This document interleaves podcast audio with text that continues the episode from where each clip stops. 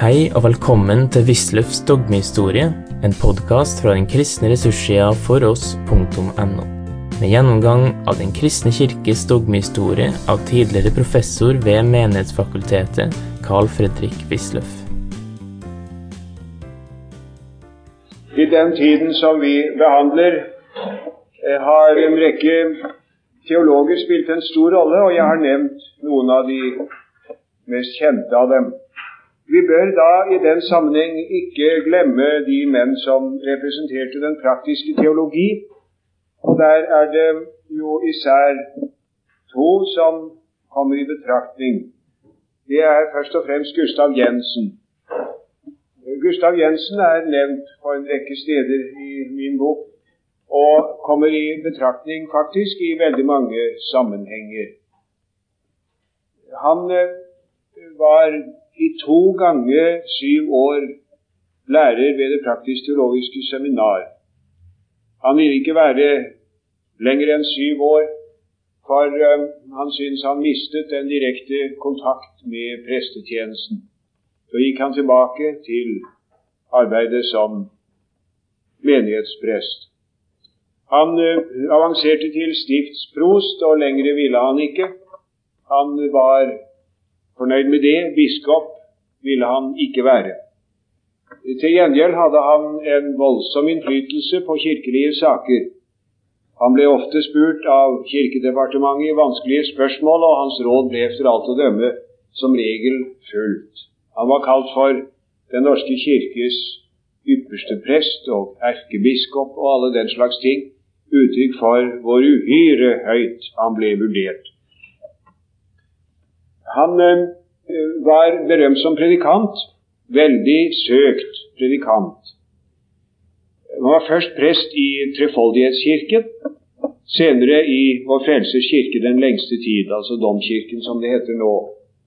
Og Begge steder måtte man være tidlig ute hvis man ville få sideplass når Gustav Jensen prekte. Det er noe rent merkverdig å høre og lese om det inntrykk som hans forkynnelse gjorde på tilhørerne. Jeg har hørt om det av så mange, bl.a.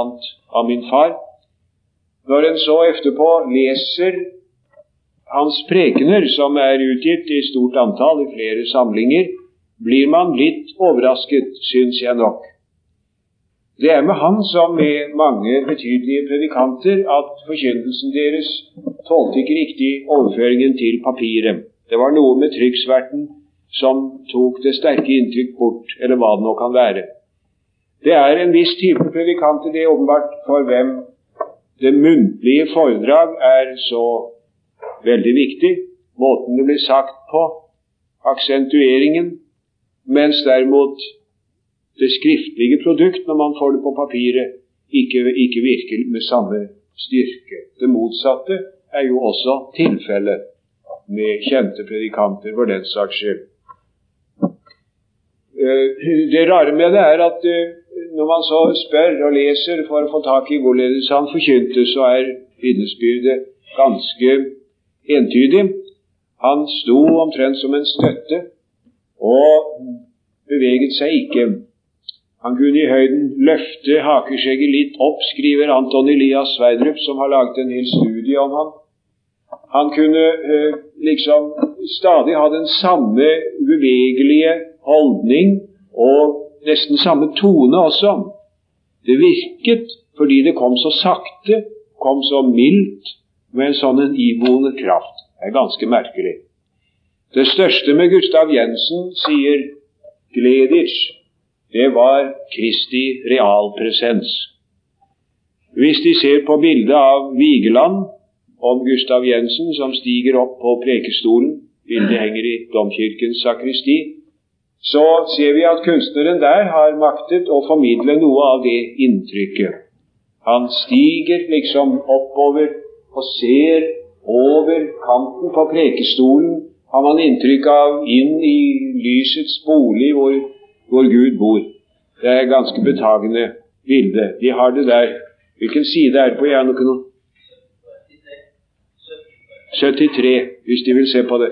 Det er åpenbart Jeg har jo aldri hørt Gustav Jensen, men det der er åpenbart akkurat det inntrykk som tilhørende hadde. Han eh, var som kirkelig personlighet eh, sentralt kirkelig orientert, også i trossaker. Derimot var han ikke noen kampens mann på noen måte. En episode som forresten blir litt forskjellig vurdert, vakte en viss pinlig oppmerksomhet i sin tid. Det var da Odland eh, da Odland nedla sitt embete som eh, professor ved universitetet. Da søkte han residerende kaplani ved Vår Frelsers kirke, men fikk det ikke. Og Grunnen til at han ikke fikk det, var nok at domprosten ville ikke ha ham. Gustav Jensen foretrakk, foretrakk uh, Gleditsch, som var liberal teolog. Det var det jo dem som syntes var et nokså stivt stykke. Men sånn var det altså. Uh, Gustav Jensen var konservativ i teologien, men han var konservativ på en annen måte, sier, sier Johannes Lavik i sin bok om spenningen i norsk kirkeliv. Ellers så har hans betydning, som jeg sa, bredt seg over mange områder. Ehm, og således er både vår alterbok og vår salmebok ehm, på mange måter hans verk. To ganger, ja, for ikke å si tre, har han satt sitt preg på vår liturgi. Først i 1880-årene, så i 1914, så i 1920 ved den nåværende alterbok. Det skal jeg kanskje, hvis vi får tid til det her, komme litt mer inn på i egen sammenheng. Men la det allikevel være nevnt noen springende punkter, da saken faktisk er ganske viktig. I 1883 utgav han sammen med Hesselberg en ganske liten bok om en revisjon av høymessen. Der gjorde forfatterne seg, og det var nok især Gustav Jensen som dominerte, de gjorde seg til talsmenn for en eh, bestemt, bestemt syn på, på, gudstjenesten. De ville ha oldkirkelige og reformatoriske momenter inn i gudstjenesten igjen. Og det var især de oldkirkelige momenter som de ville ha. Og de momentene de var i særdeleshet i gudstjenestens begynnelse, hvor man savnet en virkelig ingress og så ville man ha en kirkebønn. Det hadde man ikke. Den ble lest fra prekestolen, en ganske kort bønn, slik som de fremdeles gjør det i Danmark. Gustav Jensen ville ha en kirkebønn, og han ville ha den lest fra alteret. Og så var det nattverdliturgien, ikke minst. Eh, nattverdliturgien var i den eh, tiden før eh, 1880-årene eh, syntes de nokså tørr. Man hadde ikke prefasjonen, ikke dette 'løft eders hjerter til Herren', men man hadde en formaning, en nadværformaning, hvis styrke var en pedagogisk tilretteleggelse av nattverdlæren etter luthersk læresyn, og en formaning om hvorledes en rett nattværgjest skal være innstillet. Tendensen hos Gustav Jensen Jeg kan ikke her ta skritt for skritt hvordan det ble gjennomført var å få mer av lovsang og tilbedelse inn i gudstjenesten. Og det lykkedes da ved alteboken av 1887 ved de revisjonstilskudd som kom i 1914, og omsider ved vår alterbok, den som nå kalles Den gamle, til forskjell fra prøvealterboken, prøveliturgien, i 1920 man må si at det var en mye mer ritualistisk gudstjeneste man da fikk, enn den som var før. Uh, Helge Fehn sier med rette, helt korrekt tror jeg, i sin bok om liturgien, liturgiens historie hos oss, at når den nye liturgien i 80-årene ble innført i en enkelt menighet på en bestemt søndag, da skjedde det et så markant brudd med den liturgiske tradisjon som hadde vært, at det til og med etter all sannsynlighet overgikk det brudd som folk opplevde ved reformasjonstiden. Det er sterke ord. Ja, for på reformasjonstiden gikk det jo smått. Der skulle de jo i det store og hele beholde det de hadde. Og hvorledes det har gått for seg utover, er ikke godt å vite, men det har gått veldig smått i hvert fall. Og folk som gikk i kirken, merket vel til å begynne med ikke så veldig mye. Her var det voldsom fram. Og Følgen av det var at folk reagerte også veldig sterkt. Og myndighetene turte ikke påby den nye liturgien engang, men overga til menighetene å velge den der hvor de ville, og det gikk veldig langsomt. Det gikk veldig langsomt. I 1914 kom endringer i nattverdliturgien og nye bestemmelser om dåp og, og nattverd. Også det er virkeligheten Gustav Jensens verk. Og så i 1920 kom det som vi nå har. Det er i høy grad hans verk. Eh, da ble den påbudt i alle menigheter, men da var det også faktisk godt sånn at de aller fleste hadde den.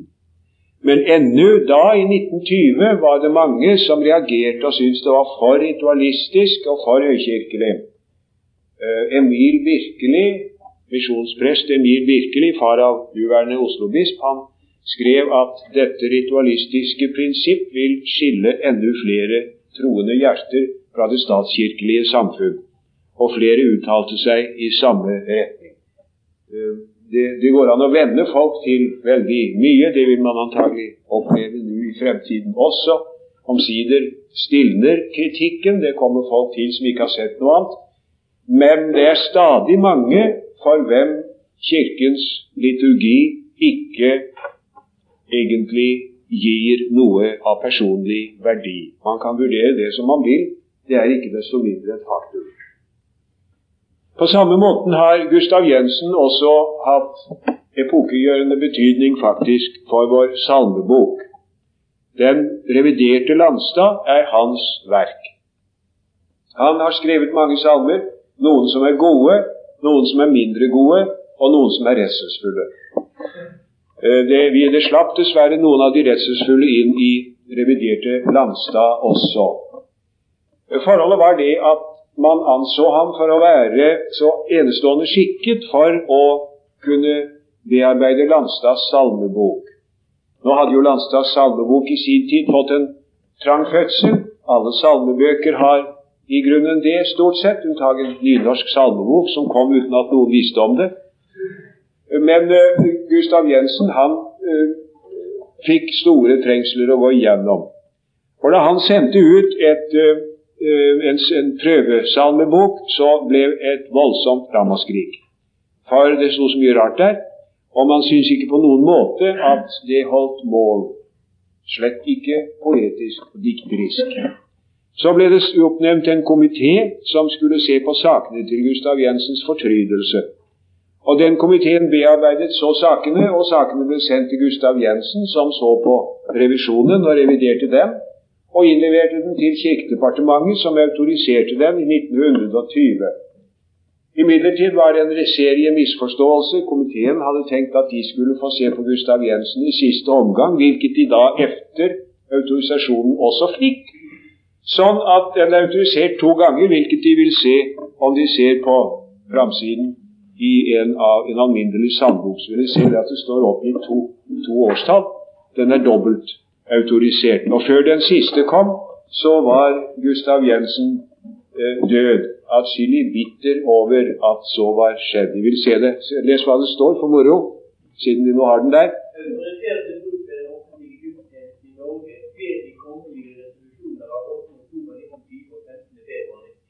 Ja, det er artig. To kongelige resolusjoner med omtrent fire års mellomrom. Og Det har den sammenheng som jeg her antyder, men vil noen lese mer inngående om alt det rare som skjedde, så skal de lese Blom Svendsens bok om revidert landstad. Eh, med andre ord, Gustav Jensen er en av de sentrale skikkelser i norsk kirkeliv på denne tiden, og han vært, var det uoppnåelige forbildet for flere, man kan si for en generasjon av prester, som uhyre gjerne ville ligne nettopp Gustav Jensen. Det jo, har jo vært flere som har hatt den stillingen som har betydd noe, men den neste som for alvor må nevnes, mener jeg, det er Gabriel Skagestad. Eh, han er omtalt her på side 321 og utover. Eh, han var eh, sørlending fra Mandalskanten og vokset opp i et kirkelig betonet legmannsmiljø. Han ble prest. Han var til å begynne med sterkt frikirkelig. Den boken som jeg har nevnt der, 'Målet og veien', den viser det. Han hadde den gangen det kirkesyn at Eh, statskirken er umulig. Den må vi se å bli kvitt. Vi mente jo veldig mange den gangen. Og han mente det at de kristelige organisasjoner i virkeligheten var begynnelsen til den kommende lutherske frikirke. Man skulle bygge på dette organiserte arbeid som var i gang, og, om ikke så altfor lenge, mente han, så vil dette slutte seg sammen og bli den egentlige lutherske kirke i, i landet. Men eh, det synet beholdt han ikke lenge, og Skagestad ble folkekirkelighetens talsmann i Norge kanskje som en av de fremste i så måte. Og det, eh, var det, eh, det synet var det han holdt frem da han ble lærer, hovedlærer, som det først het, ved Menighetsfakultetets praktisk-teologiske seminar 1925. Menighetsfakultetet fikk da sitt eget praktisk-teologiske seminar. Før det hadde det gått stridigheter om utnevnelse av praktikumsrektor. Det ble jo dessuten flere og flere kandidater fra Menighetsfakultetet på den tid. Tallet vokste sterkt, og man fikk sitt eget praktikum med egen eh, eksamensrett. Gabriel Skagestad var den første praktikumsrektor på Menighetsfakultetet. Han har nedlagt sitt syn i den store boken i tre bind som heter Pastorallære. Det er et betydelig arbeid, faktisk. Eh, han, eh, man finner der Skagestads grunnsyn. Man kunne karakterisere det som kirkelig lavkirkelighet. Det vil si at han er lavkirkelig i, i uh, prinsipiell forstand og kirkelig betonet kirkelig i sin holdning. Eh, lavkirkelig og høykirkelig Vel, jeg har flere ganger vært inne på disse ords faktiske betydning.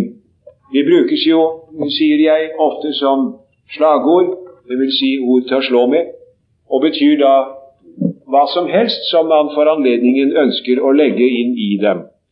Men i den teologiske, teologisk definert sammenheng så betyr eh, høykirkelig et syn som lar embetet være det overordnede og utgangspunktet for menighetens virksomhet.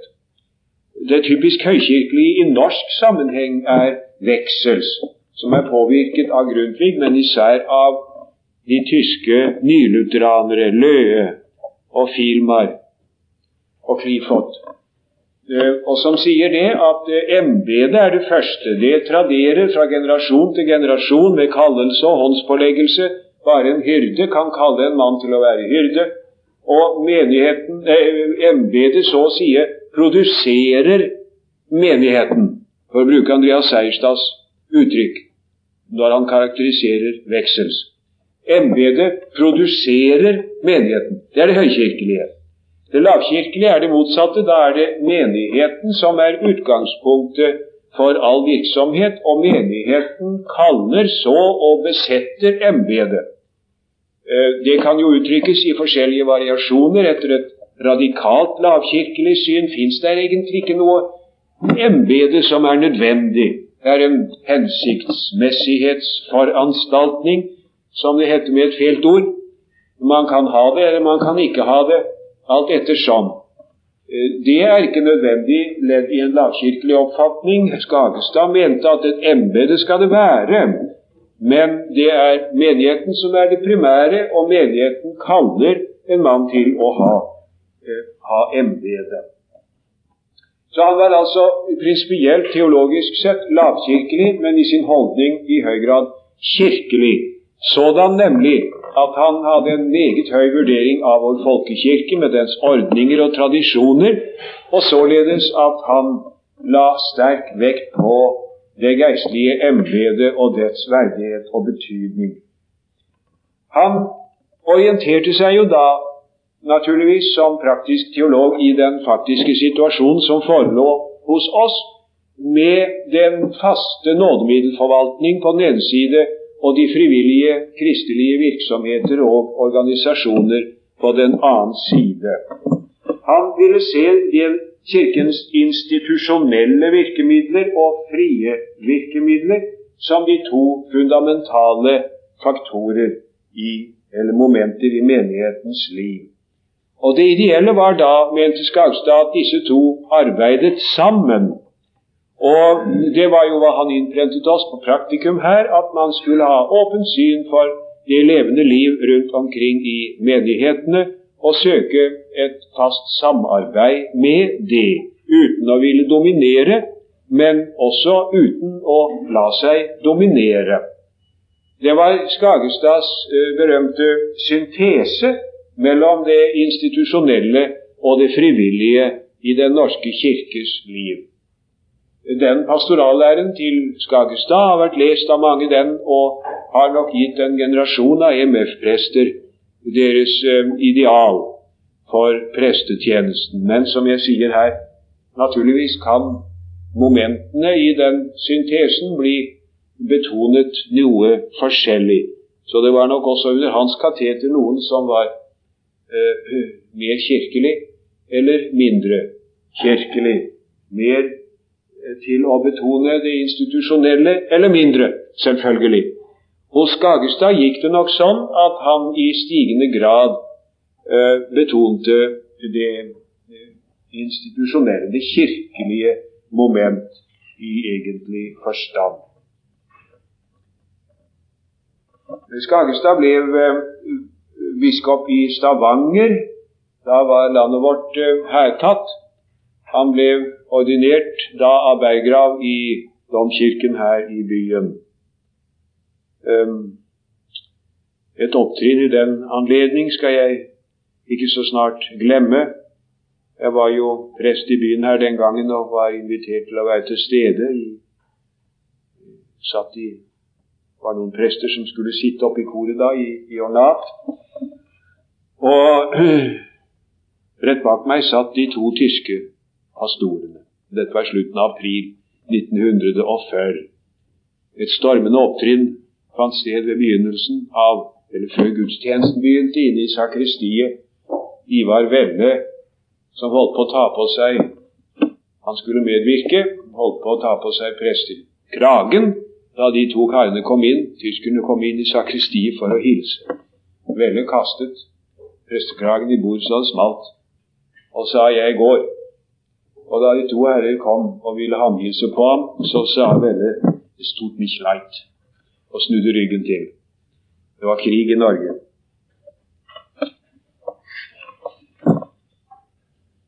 Den eh, neste som vi skal eh, ta frem her, er en skikkelse som i grunnen jo står på mange måter i en særstilling, og det er Christian Schjelderup. Det er jo en uh, fargerik og interessant personlighet som eh, gang på gang har vært eh, fremme i offentlighetens oppmerksomhet og eh, har vært liksom en publicity man i en ganske enestående forstand her hos oss.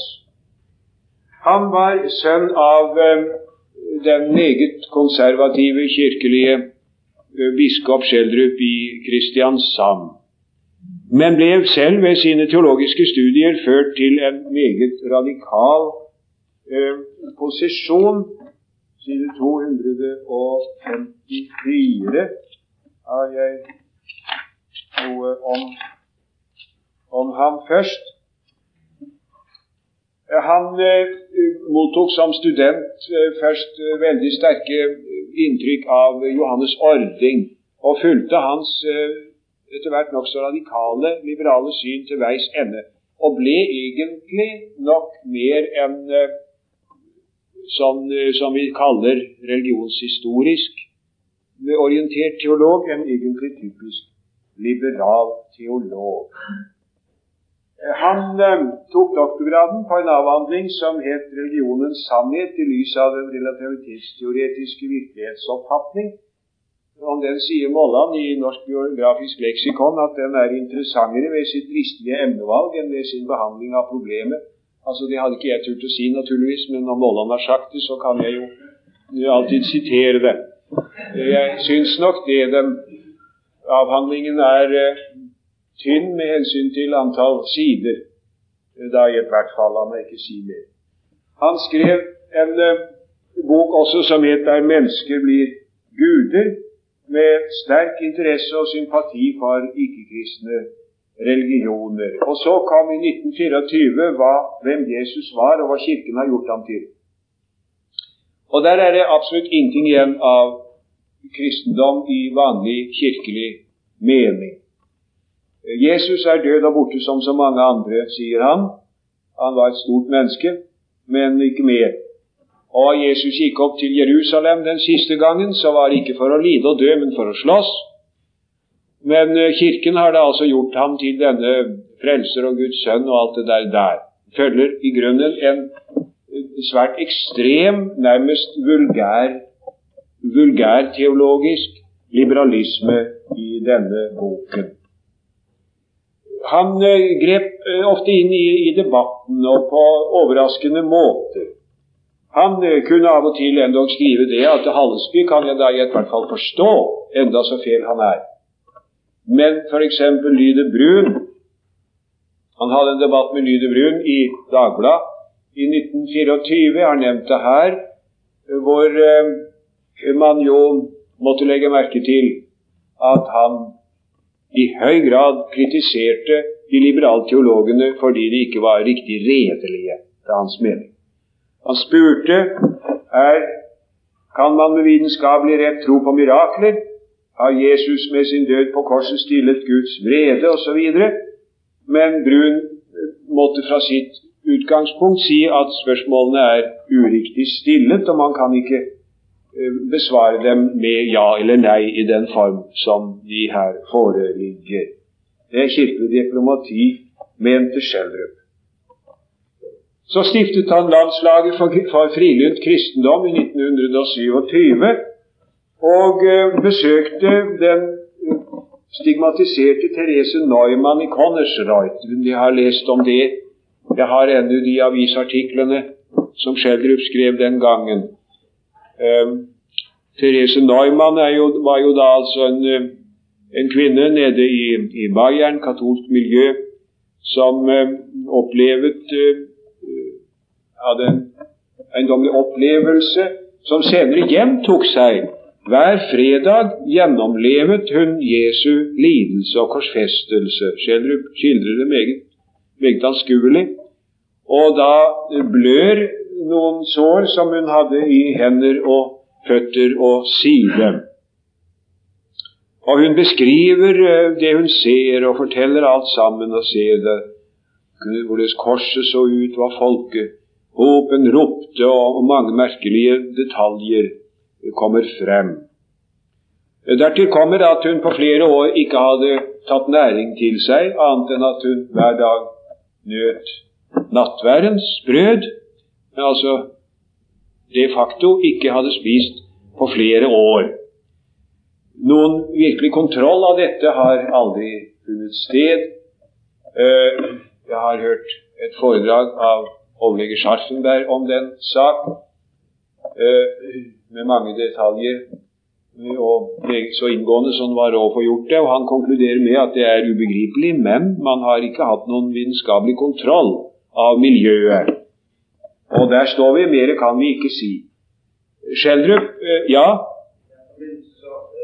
Schjelderup har skrevet om det der i en bok, og der har han faktisk skrevet at det var en eh, sånn kontroll eh, Ja, ja, jo da, han sier det. Ja, jo, han sier det. Men, men altså, det godkjenner ikke f.eks. Sarpsborg. Da måtte man ha lagt den inn på f.eks. en universitetsklinikk, sier han, i et miljø som var et helt annet, og uh, latt uh, folk som var helt nøytralt innstillet, overta alt sammen. Og hatt uh, beedigede vitner og, og kontrollposter, og det hadde man ikke her på dette tilfellet. Så det som Schjelderup anfører der, anfektes i høy grad av andre som fra legevitenskapelig synspunkt har interessert seg for forholdet. Jeg kjenner godt til det der. Men det godkjenner altså ikke andre igjen, da. Der står vi og kan ikke godt si noe mer. Og så kom det store eh, begivenhet i 1928. Da søkte Schjelderup prestekall. Og det var Værøy og Røst som den feterte doktor Tiol søkte. Eh, det var, det, det var ikke Vestre Aker, sa Sjeflo i Stortinget. Eh, vi hadde hatt en historie like i forveien med en Høyre-statsråd som var kirkeminister da, i Høyre-regjeringen, Halvorsens regjering, og han hadde utnevnt seg selv, det siste han gjorde, til sogneprest i Vestre Aker, som den gang hadde noen fenomenale inntekter av eh, bortleide tomter. Det er jo for lengst slutt med den måte å avlønne prester på, men, men den gang var det det, så det var eh, etter omstendighetene særdeles store inntekter. Han søkte ikke Vestre Aker, sa, sa Sjeflo, men det var Værøy og Røst, sa han. Og det kunne man jo ikke unngå å bli oppmerksom på. Det interessante ved det er at han eh, nå skrev at han ikke hadde endret sin teoretiske oppfatning av dogmene. Jeg har sitert øverst på side 256. Han eh, hadde ikke eh, forandret sin teoretiske oppfatning av dogmene, men, eh, men han mener at eh, han nå hadde samme forhold som de fleste såkalte liberale teologer. Og Det vil jo si at han altså hadde inntatt nøyaktig det standpunkt som han like forveien under mengdens jubel hadde eh, kritisert noe så aldeles forskrekkelig, og som de liberale førerne aldri glemte ham for. Nå hadde de eh, nokså salte kommentarer til det som han gjorde, for nå gjorde han det akkurat det som han før hadde kritisert så voldsomt. Den som nå var kirkestatsråd, det var Hasund, eh, professor ved Landbrukshøgskolen på Ås. Han eh, eh, satt jo da med ansvaret for denne saken her. Og Hasund tok en høyst personlig avgjørelse. Han eh, handlet etter eget skjønn og eh, festet seg ved formelle, det formelle forhold at han, Schjelderup, ikke hadde sendt sin søknad den vanlige tjenestevei. En uordinert teolog skal jo la en sådan søknad gå gjennom sognepresten på hjemstedet, som sender den til prosten og bispen osv. osv. Eh, det hadde han ikke gjort når han sendte den direkte til Kirkedepartementet. Da kunne naturligvis han ha sendt den tilbake og latt den gå den vanlige tjenestevei, og så var selvfølgelig da Schjelderup blitt ordinert. Dermed er det jo ikke noen som helst tvil, for de kirkelige myndigheter ville den gang som siden, etter mange bukninger og redegjørelser, omsider ha bøyd seg. Det er temmelig avgjort. Men Hasund han sendte den tilbake med den beskjed at det var ikke lovlig adgang til å etterkomme den, ettersom eh, ansøkeren ikke befant seg innenfor området av den lutherske tro. Og så siterte han ifra hvem Jesus var, og hva Kirken har gjort ham til. Og det er jo, Eiosyn syn for sang. Det var overdådig bevis for at Schjelderup ikke i noen forstand kunne kalles en luthersk teolog, ettersom han ikke trodde på Kristi guddom, f.eks. Det fikk jo være omtrent minimum, mente Hase. Og det, det, ble da en, ble da en um, veldig debatt i Stortinget om den saken. Det var eh, doktor filos Rolf Thommessen, Ola Thommessens sønn, redaktør av Tidens Tegn, som var stortingsmann for Frisinnede Venstre, som det het den gang. Og um, han interpellerte om saken. Jeg skal da vel huske det, for vi satt jo borte her i Auditorium 15 og hadde en bra ekspos Messel. Og um, så ble det jo en faneflukt. De løp ut den ene etter den andre, og Messel spurte i verden hva det som foregår. Ja, det er interpellasjon i Stortinget, var en som sa ja, da kunne vi gi oss, sa Messel. Og det, så vidt jeg husker, så sluttet han faktisk timen før den var forbi. Og den gang gjorde jeg noe som jeg forsøker å unngå. Jeg gjorde noe ulovlig. Jeg gikk inn den såkalte historiske trappe, som jo ikke hadde lov til å gå inn. Den fins ikke lenger. Det er der hvor det tilbygget til Stortinget nå er, opp mot Ekertorvet. Der var det en, en, en trapp som inngang som kaltes Den historiske trapp. Der gikk jeg inn eh, og tenkte som så eh, Jeg kan ikke gå verre enn at jeg blir kastet ut. Det var så fullt på galleriene nemlig at folk sto nedover trappen og nedover gaten faktisk og ventet på en sjanse til å komme inn. Um, en stortingsmann som jeg senere har uh, diskutert dette med, påstår at det er umulig å komme opp på galleriet den veien. Men det er ikke umulig, jeg har gjort det. Men um, mer kan jeg ikke si. Og det, det, var en av de store dagene, det er ingen som helst tvil om det. Og det var mange minneverdige ord som ble sagt. Og det som gjorde slikt inntrykk, var jo altså kirkestatsråden. Han var blitt spurt av interpellanten om han øh, nå hadde tenkt å ikke utnevne noen liberale teologer heretter. Og det besvarte kirkestatsråden med nei. Noe slikt forsett hadde han på ingen måte fattet. Han, det skal være høyt under taket i Den norske kirke, sa han. Men, sa han, når Kristi guddom fornektes, da kan jeg ikke være med. Der fikk grensen gå. Og det var jo så vidt uh, sterkt at uh, det ble ikke noe mer. Stortinget vedla saken aktene, og det var det. Uh, Flere prester tilla seg selv offentlig samme standpunkt som Schjelderup, og Sogne Strømvis Nåsa skrev at han for sin del syntes ikke det hadde noe avgjørende betydning enten når Jesus hadde levet, eller han ikke hadde uh, levet. Norsk Kirkeblad, De liberales blad, fant det bemerkelsesverdig at Schjelderup, som hadde gjort så mye for å underminere tilliten til de liberale teologer, nå faktisk inntok samme holdning som, som dem. Det, det ble masse skriving om dette etterpå, veldig mye også. Eh, Berggrav skrev at eh, man skulle ikke, sånn som de konservative nå gjør, rope 'vel blåst' til Hasund. For det er biskopen som skulle ha tatt seg av disse ting, sa han. Kirkestatsråden har ikke noe med å stå der og være, passe på læretukt, skrev Berggrav. Det skal derimot um, biskopen gjøre. Det skal biskopen gjøre. Um, den diskusjonen ble ikke kommentert, så vidt jeg kan finne, egentlig noen steder. Det, det, ligger den kommentar nær altså at hvis man hadde gått den veien, så var han blitt ordinert.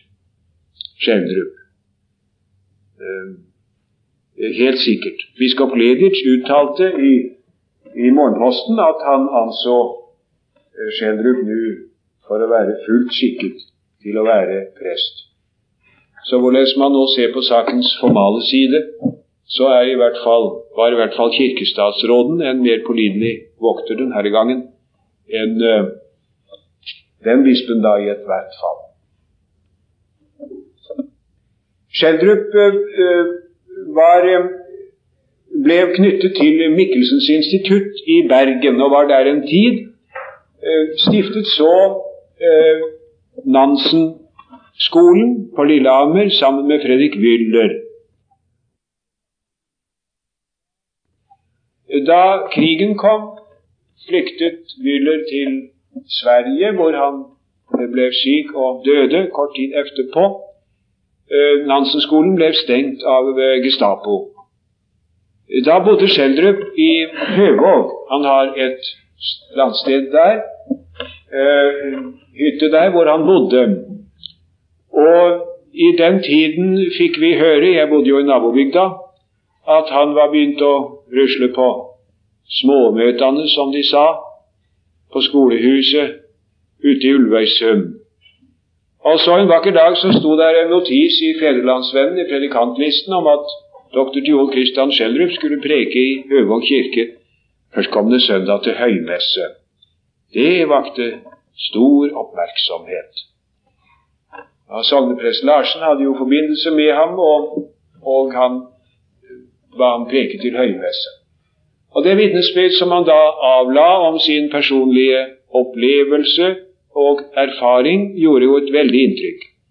Schjelderups omvendelse, han kalte det selv det, var en av krigstidens store begivenheter på den indre front. Det er jo helt sikkert. Hans forkynnelse var på mange måter merkelig. Noe mindre det foredrag som han reiste og holdt om menneskesønnen. Det var jo under en dogmatisk synsvinkel nokså lite å komme med, ærlig talt. Egentlig nokså tynt. Men vi lyttet til tonen i hans forkynnelse og tenkte det vil nok bli annerledes. I 1942, i påsken, da vi nedla våre embeter, var han hos meg i Birkenes prestegård og uh, bodde hos oss siden påskeaften. Jeg var glad ved å ha han der og kunne snakke med ham om kirkens grunn, som jeg hadde fått med hemmelig kurer, og om beskjeden om at vi skulle nedlegge våre embeter på påskedag. Det var godt å ha en å konferere med. Annen påskedag prekte han i Birkenes kirke under utrolig tilstrømning, og likeså bedehuset på Birkeland annen påskedag om eftermiddagen. Han ble kort etterpå arrestert og kom på Grini for sine ytringer som han hadde latt falle i en og annen sammenheng. Og på Grini var han en sentral skikkelse, og hele Norge hørte jo om Hope, som hadde snekret en fin spaserstokk til ham og sagt at her har du bispestaven. Her har du bispestaven. Og når du så blir bisp, så får du huske på at du har feiret nadvær her sammen med legfolket på Loff og Sanna Sol. Det var hva de kunne få skaffet til veie. Ja, og biskop ble han da ganske riktig eh, nokså snart efterpå. Det viste seg jo da imidlertid at hans eh, teologiske grunnsyn vel ikke egentlig hadde undergått noen særlig forandring. Det kom frem ved forskjellige anledning, bl.a. ved et radioforedrag som han holdt om Johannes Ording, som han kalte en av de mest forkjetrede menn i norsk kirkehistorie. Altså den gamle sympati for den liberale dogmatiker brøt opp i dagens lys igjen. Og så kom da hine våre dager i februar 1953, da Hallesby hadde holdt sitt, sin tale i storsalen. Den ble kringkastet og advarte mot folk folk mot å utsette omvendelsen. Hva om du våknet i helvete? sa Hallesby. Det førte da til at Schjelderup angrep ham sterkt i Aftenposten og i Arbeiderbladet, og lot da disse ytringer falle at det, tanken på et evig helvete efter hans syn var i strid med kjærlighetens religion, og at tanken heller ikke var kristen, men var kommet inn i kristendommen ifra Persia den strid og kamp som førte til at departementet allikevel ga ham uh, tillitsvotum, han hadde ikke handlet i strid med sin bekjennelsesplikt, den skal vi ikke komme nærmere inn på her. Det blir i noe for høy grad samtidshistorie. Schjelderup er uten all tvil en av de merkelige skikkelser i denne tiden. Impulsiv, en offentlighetens mann, en mann med stor sjarm, med betydelig evne til å vinne venner, og tiltrekke tiltrekker seg oppmerksomhet ved påfallende, under tiden påfallende og somme tider også skiftende standpunkter. Hans uh, personlige, menneskelige integritet har aldri noen trukket i tvil. Eh, I denne tiden som vi behandler, er det tre biskoper som mer enn noen er å nevne. Det er Høk, og det er Johan Lunde, og det er kanskje fremfor alt Eivind Berggrav. La meg peke på noen springende punkter, men det er tiden godt, ser jeg nå, så det får jeg begynne med i morgen. Disse tre biskopene er uten all tvil de av episkopatet i denne tid som eh, har hatt en særlig plass i folks bevissthet, og som vil bli husket lengst. Du har nå hørt Wisløffs dogmehistorie. Finn flere ressurser og vær gjerne med å støtte oss på foross.no. Følg også gjerne noen av våre andre podkaster, f.eks. Table Talks.